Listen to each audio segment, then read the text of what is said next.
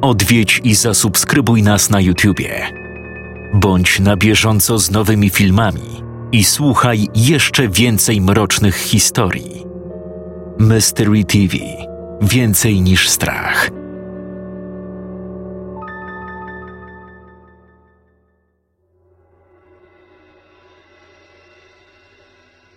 Colin zamknął drzwi swojej sypialni na klucz i szybko wskoczył do łóżka.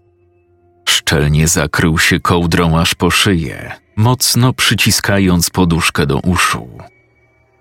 Mimo to wciąż słyszał dobiegające z podwórza szepty i ciche szlochanie. Nie były głośniejsze od zwykłej rozmowy, ale szmer ich bełkotliwych zawodzeń huczał mu w głowie jak startujący odrzutowiec. Cały dygotał ze strachu i zmęczenia. Chciał, żeby wstało już słońce. Chciał, żeby to wszystko się skończyło. Zastanawiał się nad swoim położeniem i wciąż nie wiedział, czy to, że jeszcze po niego nie przyszli, jest jakimś cudem, czy może raczej przekleństwem. Ile można tak żyć? W wiecznej, zbiorowej paranoi. I pomyśleć, że wszystko zaczęło się od jednej owcy.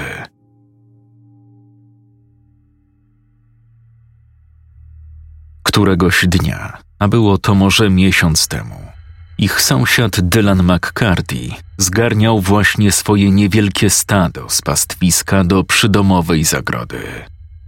Zbierało się na burzę.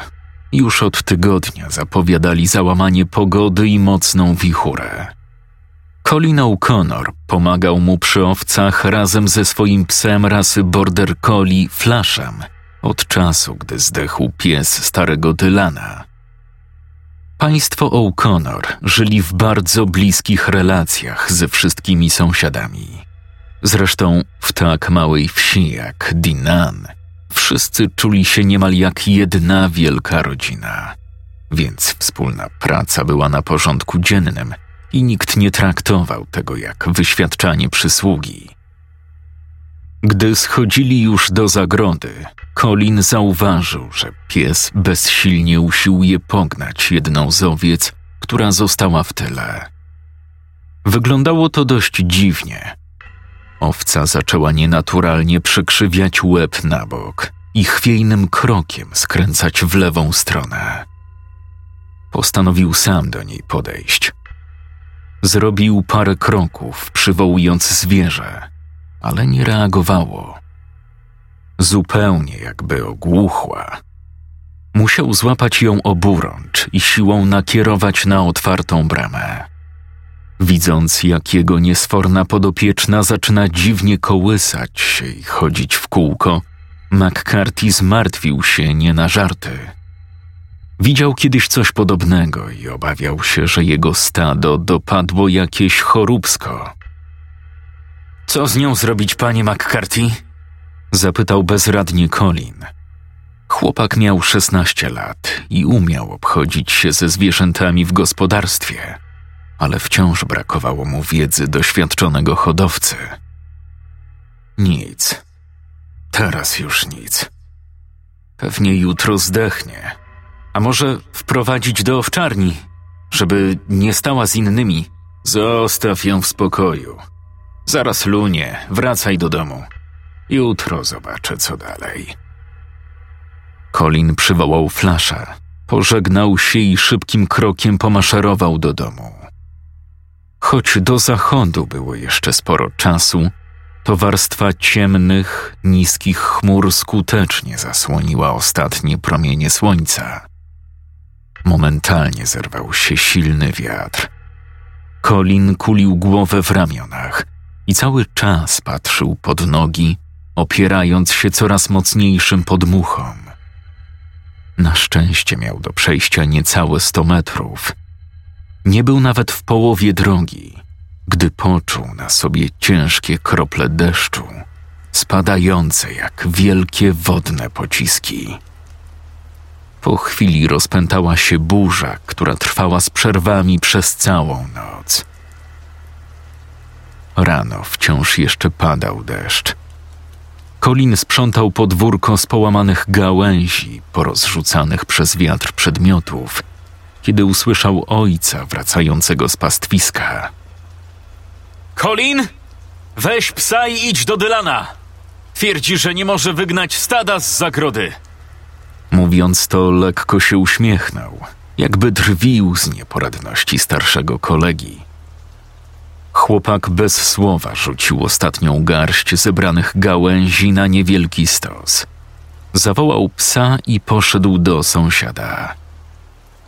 Już z daleka ujrzał dość niecodzienny widok. Dylan McCarthy wraz z żoną stali przy bramie i gorączkowo wymachując rękami wykrzykiwali do owiec kolejne komendy. Colin spojrzał na flasza i krótko gwizdnął. Pies wystrzelił daleko przed właściciela i skręcił prosto do zagrody McCarthy'ego. Colin spodziewał się, że za kilka sekund zobaczy stado wybiegające na ścieżkę. Jednak nic takiego się nie działo. Jest nie tak, pomyślał. Przywitał się z sąsiadami i dopiero z bliska zobaczył bardzo zagadkowe zachowanie zwierząt. Większość z 54 owiec uformowała wielkie koło o średnicy kilku metrów i poruszała się w lewą stronę, idealnie po okręgu. Pies biegał najpierw otaczając je z zewnątrz, potem niemal bezgłośnie lawirował między rzędami drepczących racic. W końcu zaczął uparcie ujadać. Próbował sił z każdej strony, ale zamiast ustawić się we właściwym kierunku, owce tylko przyspieszały bieg. Colin był w szoku. Pierwszy raz widzę coś takiego. Nawet na psa nie reagują, odezwał się McCarthy. Mówiłam ci, że pewnie przestraszyły się burzy. Tam, pięćdziesiąt lat hoduje owce i nigdy się tak nie zachowywały. Nie wiem. Pewnie wszystkie się pochorowały i zaraz padnie mi całe stado. Spokojnie, panie McCarthy. Ciągle jeszcze pada. Może zostawimy je tutaj. Poczekajmy, aż pogoda się trochę uspokoi. A jakie mam inne wyjście? Przecież ich wszystkich nie wystrzelam. A niech was. Machnął ręką w kierunku zagrody i poszedł do domu. Pani McCarthy głęboko westchnęła i po chwili ruszyła za nim. Colin długo stał jeszcze przy ogrodzeniu i nie mógł nadziwić się temu, co zobaczył. Owce wyglądały jak zahipnotyzowane. Bezmyślnie zataczały kolejne kręgi, niczym nakręcone zabawki. Flash usiadł przy nodze swego pana z wywieszonym jęzorem, dysząc szybko. Co chwilę spoglądał w górę w oczekiwaniu komendy. Chodź, wrócimy później, oznajmił Colin, poklepując psa po grzbiecie. Jednak owce McCarthy'ego biegały w kółko jeszcze przez następne dwa dni. Nie padły z przemęczenia ani z wycieńczenia. Nie reagowały na żadnego psa, tym bardziej na wołania hodowcy. Choć miały dostęp do wody, żadna z nich nawet na chwilę do niej nie podeszła. Zwierzęta wydawały się w ogóle nie tracić sił. Nie trzeba było wiele czasu, żeby wieści o tak niecodziennym zdarzeniu rozniosły się po wsi. Wśród mieszkańców pojawiały się coraz to nowe domysły. Ludzie mówili, że owce McCarthy'ego zgłupiały, że ktoś musiał rzucić zły urok na jego stado. Niektórzy twierdzili, że na pewno zatruły się wodą ze stawu albo zachorowały, bo ktoś wylał jakieś chemikalia na pastwisku. McCarthy był załamany. Nie wiedział, co robić. Powoli męczyło go bycie w centrum zainteresowania sąsiadów. Próbował już wszystkich sposobów. Rozsypywał na ziemi pasze, oblewał owce wiadrami z wodą. Próbował siłą spychać je we właściwą stronę. Nic nie działało końcu, po trzech dniach, pogoda wyraźnie się poprawiła. Zniknęły czarne chmury, przestało padać i od samego rana świeciło słońce. Gdy Colin przyszedł do zagrody sąsiada, zobaczył, że zwierzęta rozpierzchły się w różne strony i utworzony przez nie zagadkowy krąg w końcu się rozpadł. Tym razem Flash bez trudu zagonił niewielkie stado na pobliskie pastwisko. Colin pomyślał, że może jednak pani McCarthy miała rację. Może owce rzeczywiście tak przestraszyły się wichury, że wpadły w jakiś dziwny amok, z którego wyrwały je dopiero ostre promienie słońca. Trawa błyszczała żywą zielenią. Równo biegnące w oddali stado wyglądało przez chwilę jak biała plama mleka, wylewająca się na dywan utkany z koniczyny. Colin uwielbiał ten widok. Lubił patrzeć, jak Flash pędzi przed siebie, bezbłędnie wykonując każdy ruch, sterując tym dziwnym, białym tworem, który stanowiło kilkadziesiąt owiec biegnących jednym rytmem po wzgórzu. Zdziwiła go tylko nieobecność Dylana, ale pomyślał, że starego pasterza zmęczyła ta cała sytuacja i dlatego jeszcze nie wychylił nosa z domu. Minęło kilka dni. Zdawało się, że wszyscy zdążyli już zapomnieć o burzy i dziwnych wybrykach owiec McCarthy'ego. Tylko on sam był jakiś nieswój. Przestał się do kogokolwiek odzywać. Późno wstawał. Chodził jeszcze wolniej niż zwykle. Widząc tak nagłe pogorszenie stanu zdrowia, jego żona zaczęła się niepokoić. Któregoś popołudnia zapukała do drzwi państwa O'Connor. Williamie, proszę cię, porozmawiaj z nim. Codziennie pytam go, jak się czuje, czy coś go boli, czy mam wezwać lekarza, a on nic. Siedzi tylko na schodach przed domem i powtarza: Nic mi nie jest, nic mi nie jest. Może się za coś obraził, co, Marto? nie żartuj sobie. Po tylu latach znam go jak nikt inny. Wiem, kiedy jest zły, a kiedy nie. Teraz naprawdę nie mam pojęcia, o co mu chodzi. Niby słucha, co do niego mówię, ale jest jakiś taki nieobecny. Przejdzie mu. Albo po prostu na starość dziwaczeje. Jest jeszcze coś, co mnie martwi. Niby ciągle milczy. Nie chce się do mnie odzywać.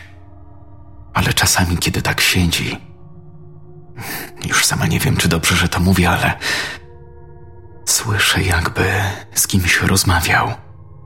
Jak to? Mówi sam do siebie? A może się po prostu modli? Nie, raczej nie. Szepcze coś po cichutku, ale kompletnie nie jestem w stanie powiedzieć co. Patrzy się tylko tak bezmyślnie przed siebie i ciągle mam rocze. Zapadła niezręczna cisza. Państwo O'Connor wymienili tylko dyskretnie spojrzenia i nic nie skomentowali. No i co myślicie? No nie wiem, Marto. Przykro mi, ale może trzeba się skonsultować z psychiatrą. Wiedziałam, że to powiecie. Ale mój Dylan nie jest wariatem. Nie pozwolę go zamknąć. Marto, spokojnie, nie bój się. Nikt go nie chce nigdzie zamykać. Dobrze. Spróbuję z nim porozmawiać. Dziękuję ci. Naprawdę. Może ty będziesz w stanie coś wskórać. William O'Connor, zgodnie z obietnicą złożoną żonie Dylana, odwiedził sąsiada. Razem wybrali się na spacer w kierunku pastwiska. Nie było żadnych świadków ich rozmowy, ale długo nie wracali. Colin leżał już w łóżku, kiedy usłyszał trzaśnięcie drzwi wejściowych, a potem kroki po schodach i charakterystyczne odchrząkiwanie swojego ojca. Z za ściany dochodziły głosy rodziców. Na pewno wymienili ze sobą jeszcze kilka zdań przed snem. Po kilku minutach wszystko w domu ucichło. Kolina wybudziły dwa pojedyncze szczeknięcia flasza dobiegające z zewnątrz. Niby nic nadzwyczajnego. Pies był czujny. Czasem w nocy przeganiał szkodniki, ale po chwili zaczął dziwnie skamleć. Okno sypialni wychodziło na podwórze. Chłopak cicho podniósł się z łóżka i stanął przy parapecie. Wyjrzał na zewnątrz, ale niewiele mógł dostrzec. Noc była wyjątkowo pochmurna. Widział tylko odznaczające się czarne kształty ogrodzenia i wielkiego dębu rosnącego kilka metrów na lewo od ścieżki. Stał i czekał, aż jego oczy wybudzą się na tyle, by mógł dojrzeć więcej szczegółów. W końcu, tuż pod jego oknem, mignął szybko jakiś niewielki cień. W tym samym momencie wróciło znajome skamlenie. To Flash chodził po podwórku. Zdawał się nieśmiało skradać w kierunku ogrodzenia i z powrotem. Kolinowi przeszło przez myśl, że może psu odbiło, podobnie jak wcześniej owcom, albo jakiś intrus kręci się koło domu. Nie był tego pewny. W pierwszej chwili chciał iść szybko obudzić ojca, ale pomyślał, że ma przecież w pokoju latarkę. Poświeci trochę przez okno i zobaczy, co tak niepokoi psa. Może to tylko kot albo zabłąkany jeż. W pośpiechu wyciągnął ją z szuflady biurka i wrócił do okna. Księżyc wychylił się na chwilę z zachmur, a wtedy w jego delikatnym świetle zobaczył, że tuż przy bramce wejściowej coś stoi. Szeroka, czarna plama. Kształtem i wzrostem przypominała człowieka z dwiema głowami. To coś tkwiło bez ruchu i na pewno nie bało się psa. Co teraz? Zapalić latarkę i być może stanąć oko w oko z włamywaczem? Wyjść i po cichu obudzić rodziców? A może to wszystko tylko mu się śni? Colin zdecydował się zaryzykować. Jeśli to złodziej, jest duża szansa, że wystraszy się, gdy tylko zobaczy w oknie światło latarki. Wstrzymał oddech. Nacisnął przycisk i długa łuna światła padła wprost na tajemniczy zarys stojący w wejściu.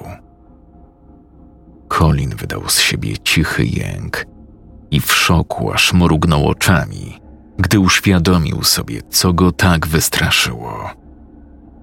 Zaraz za bramką stał jego ojciec i McCarthy, ramię w ramię, tuż obok siebie. Z mocno zadartymi głowami patrzyli w niebo. Tata? Co oni wyprawiają po nocy? Na co tak patrzą? Mężczyźni byli boso, w samych piżamach. Stali na baczność z nienaturalnie szeroko otwartymi oczami i patrzyli gdzieś nad siebie, w tym samym kierunku. Colin obserwował ich już ładnych kilka minut, a oni wciąż nie zmienili pozycji nawet na chwilę żaden z nich nie wyprostował głowy. Wyglądało to dość upiornie. Chłopak otworzył okno i dość nieśmiało, półgłosem zawołał w ich kierunku. Tato! Tato! Co się stało? Pytał, ale żaden z nich nie reagował. Panie McCarthy! Halo! Co wy tam robicie? Colin nic z tego nie rozumiał. a nawet trochę się przestraszył. Szybko zamknął okno i pobiegł do sypialni rodziców, żeby obudzić mamę. Mamo? Mamo, wstawaj szybko! Coś jest nie tak z ojcem. Stoi na podwórku w samej piżamie i gapi się w niebo. Mamo, wstawaj! Po chwili z sypialni wyszła matka Kolina, przewiązując się w pasie szlafrokiem. Pośpiechu zeszli razem na dół i wyszli przed dom. Widząc męża w tych niecodziennych okolicznościach, mimowolnie zatrzymała się tuż za progiem. Zawołała go kilkukrotnie, bez rezultatu. Mówiłem ci, że nie reagują. Coś im się stało. Przecież stoją, mają otwarte oczy, a na niebie nic nie widać. Podeszli bliżej. Kolin oświetlał ścieżkę latarką. Dopiero gdy znaleźli się w odległości kilku kroków od nich, usłyszeli ciche mamrotanie. Rzeczywiście, kiedy przyjrzeli im się z bliska, widzieli, jak każdy z mężczyzn nieznacznie poruszał ustami, cały czas z głową wzniesioną do góry. I co teraz? Nie wiem. Wygląda na to, że chyba chodzą we śnie. Ale jak to? I co? Mają wspólny sen? Nie wiem. Nie znam się. Ojciec nigdy wcześniej nie miał takich problemów. Pani O'Connor lekko chwyciła męża za ramię. Chodź, Will. Wracamy do domu.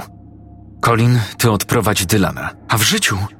A co jak kompletnie mu odbije i skoczy do stawu albo ucieknie do lasu? Będę musiał biec za nim, tak? Uspokój się. Zobacz. Wystarczy delikatnie poprowadzić za rękę i pójdzie. Nie mogą tu przecież tak stać przez całą noc, bo się rozchorują. Już są na coś chorzy. To nie jest normalne. Spójrz, jak oni wyglądają. Szczerze mówiąc, trochę się ich boję. Cicho, bądź mi pomóż. Weź ze sobą psa, jak cię tak strach obleciał. Colin niechętnie wziął sąsiada za rękę i razem ruszyli w stronę domu McCarthy'ego. Flash wiernie dotrzymywał kroku chłopcu, ale przez całą drogę żałośnie skamlał, jakby w ogóle nie poznawał starego pasterza.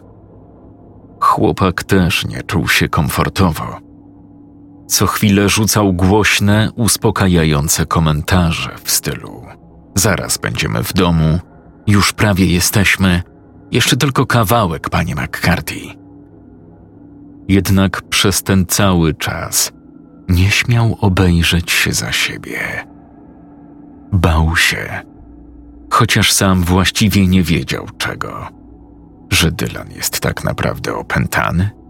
Że w każdej chwili może się na niego rzucić i udusić gołymi rękami? Colin ciągnął sąsiada za nadgarstek. Im bliżej celu, tym szybciej stawiał kroki. W końcu dotarli na miejsce. Kiedy tylko wystraszona Marta McCarthy otworzyła drzwi, a Dylan przekroczył próg, natychmiast opuścił głowę i rozluźnił się. Colin zaprowadził go do sypialni, gdzie staruszek usiadł na brzegu łóżka. W jego sennych, półprzymkniętych oczach zebrały się łzy.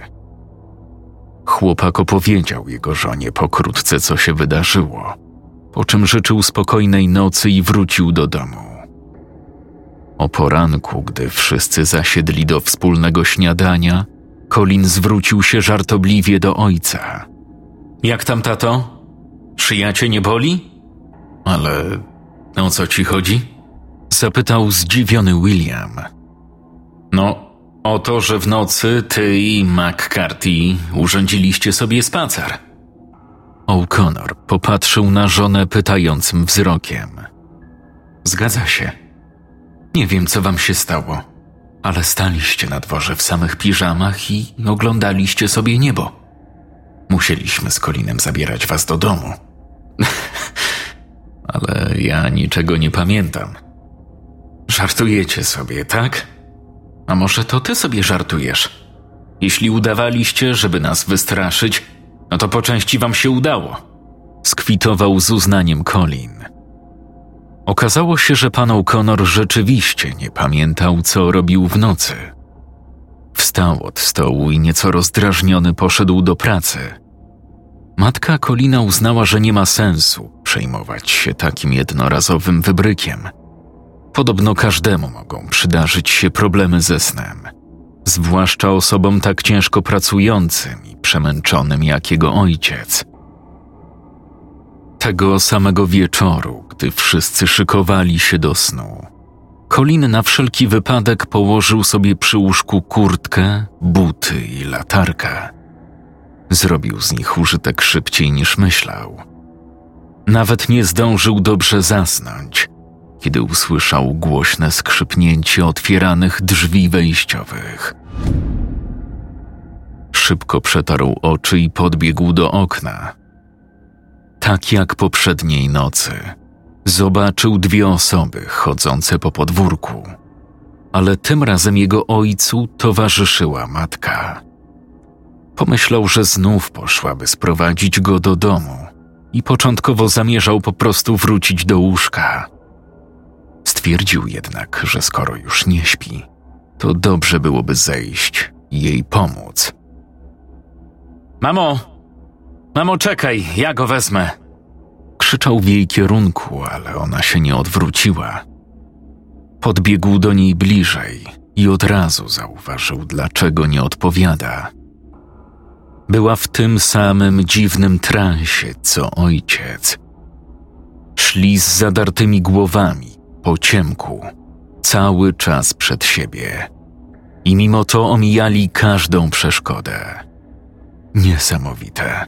Pomyślał i zaczął iść za nimi. Z jednej strony czuł wielki niepokój i miał ochotę po prostu zgarnąć rodziców do domu i iść spać. Z drugiej jednak ciekawił go ten fenomen i chciał dowiedzieć się, czego tak wypatrują, dokąd idą i po co. Szedł za nimi, zachowując dystans, w odległości mniej więcej dziesięciu metrów. Gdy weszli na główną drogę, w oddali po lewej stronie zauważył jeszcze trzy postacie wyłaniające się z za wzgórza. Nie potrafił powiedzieć, kim byli, ale kierowali się w tę samą stronę. Wszyscy szli do McCarthy'ego. Colin nie odważył się wejść za bramę.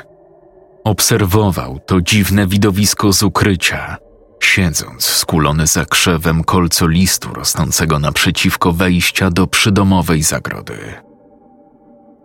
Do środka wchodzili właśnie jego rodzice i trzy inne osoby, które zdawały się być sąsiadami z drugiego końca ulicy. Na podwórzu przed domem stali wpatrzeni w niebo państwo McCarthy. Było już grubo po północy, a siedem dorosłych osób zebrało się na podwórzu Dylana McCarthy'ego, żeby patrzeć w gwiazdy? To nie miało żadnego sensu. Colin pomyślał, że dopadła ich jakaś choroba, może wirus. Jak widać, było to coś zaraźliwego. Pytanie brzmi, dlaczego w takim razie on się jeszcze nie zaraził? W pewnym momencie wszyscy zebrani zaczęli wykonywać dziwne, nieskoordynowane sekwencje ruchów.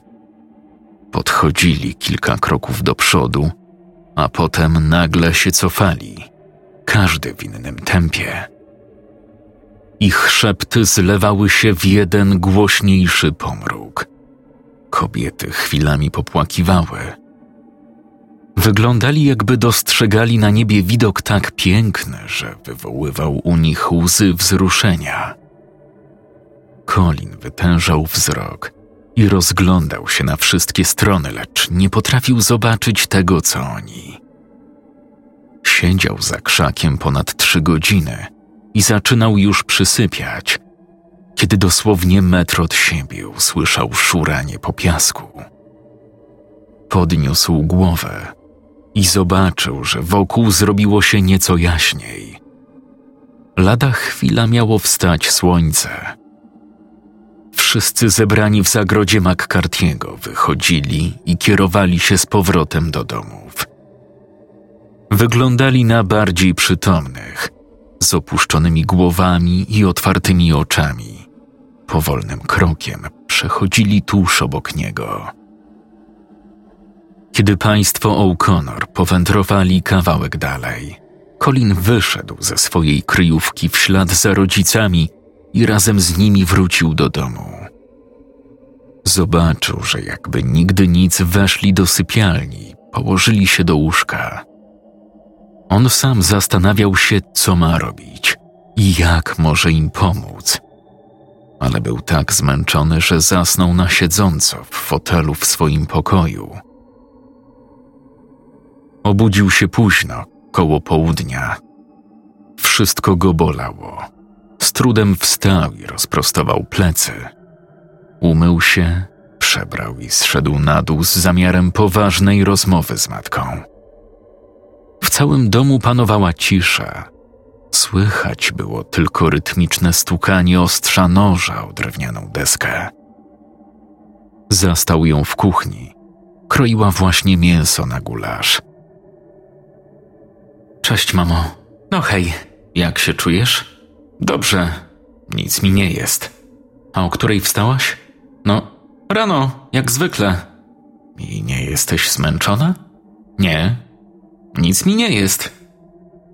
Kolina zaniepokoiły te zdawkowe odpowiedzi. Podobnie jak ojciec, zdawało się, że jego matka kompletnie nie pamięta, co się z nią działo przez północy. Amo, wiesz, że lunatykujecie? Ty i tata. Dzisiaj w nocy wyszliście do McCarthy'ego. co? O czym ty mówisz? To niemożliwe. Wszystko jest w porządku. Odparła beznamiętnym głosem. Nie wyglądała na zainteresowaną dalszym prowadzeniem rozmowy. No właśnie nie jest w porządku, mamo. Coś wam dolega i to coś poważnego. Dzwonię do lekarza. Może to trzeba leczyć. Colin wybrał numer do przychodni i wyszedł przed dom, żeby w spokoju wyjaśnić lekarzowi powody swoich zmartwień. Wytłumaczył mu wszystko po kolei, że dorośli ludzie nagle zaczęli wstawać w środku nocy i nie można było złapać z nimi kontaktu, że ciągle z otwartymi oczami zadzierają głowy do góry, że nawet w ciągu dnia ciężko jest się z nimi dogadać. Lekarz nie zareagował zgodnie z przewidywaniami chłopaka. Orzekł, że to na pewno nic poważnego. Kazał obserwować, czy nie ma żadnych innych niepokojących symptomów. Po długich naleganiach Kolina zdecydował, że przepisze leki na senno uspokajające i przyjdzie obejrzeć pacjentów za dwa dni. Jednak mimo zapewnień i powtórnych telefonów, żaden lekarz nie pojawił się w Dinan. Cała sytuacja nabierała tempa. Tabletki, które Colin podawał rodzicom na noc, w ogóle nie działały. Wręcz przeciwnie.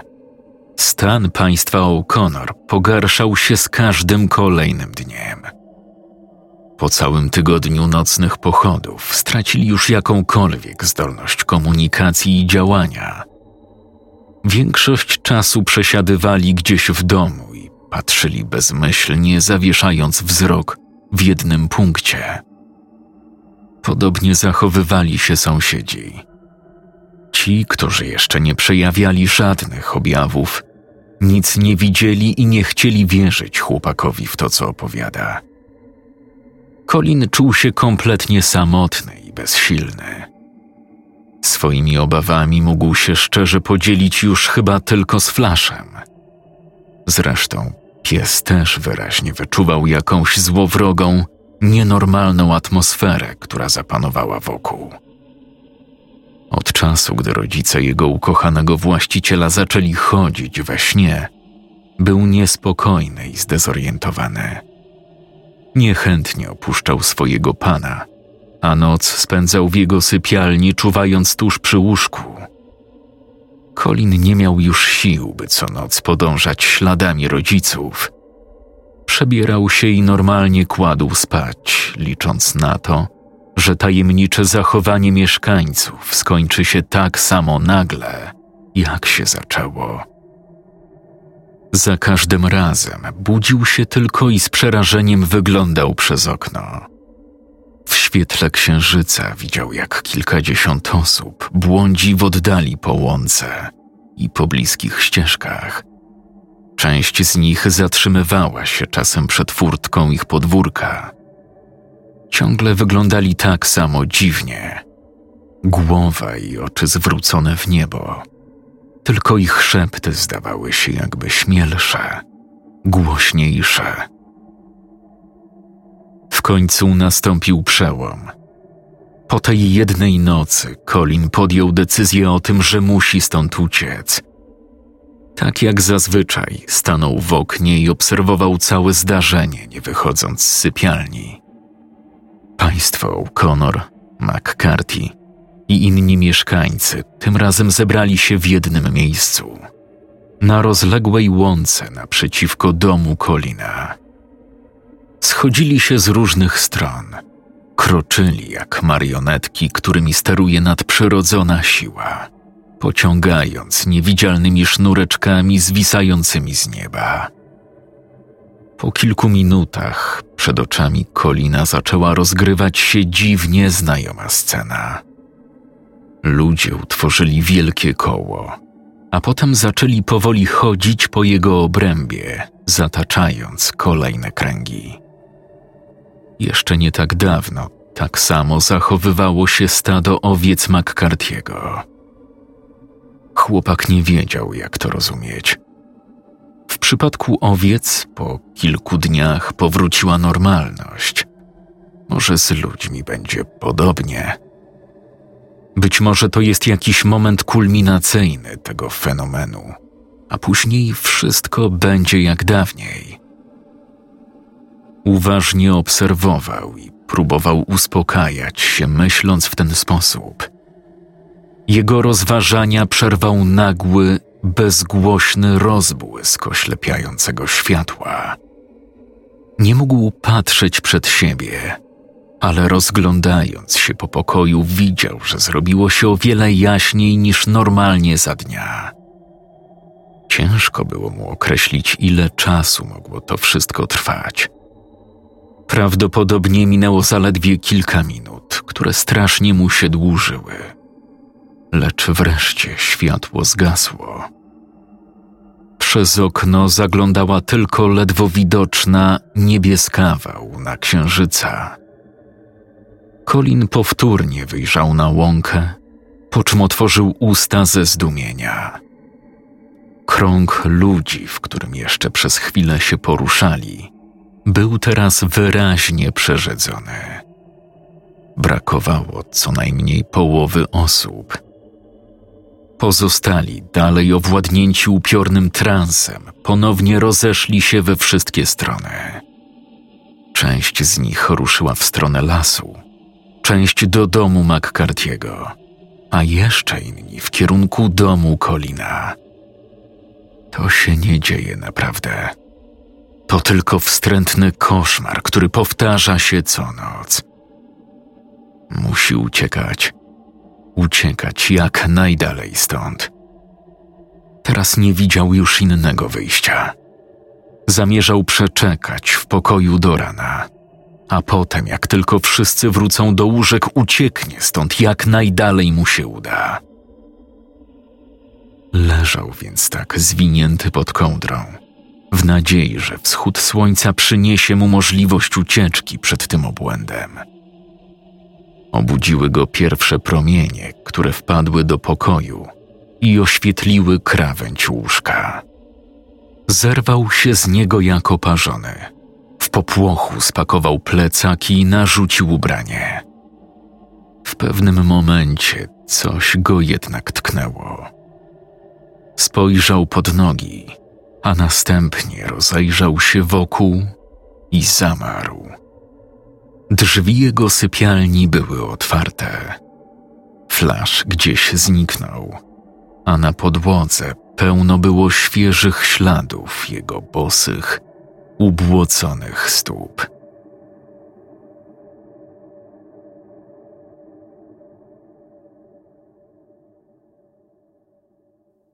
Scenariusz Lady Macbeth czytał Jakub Rutka.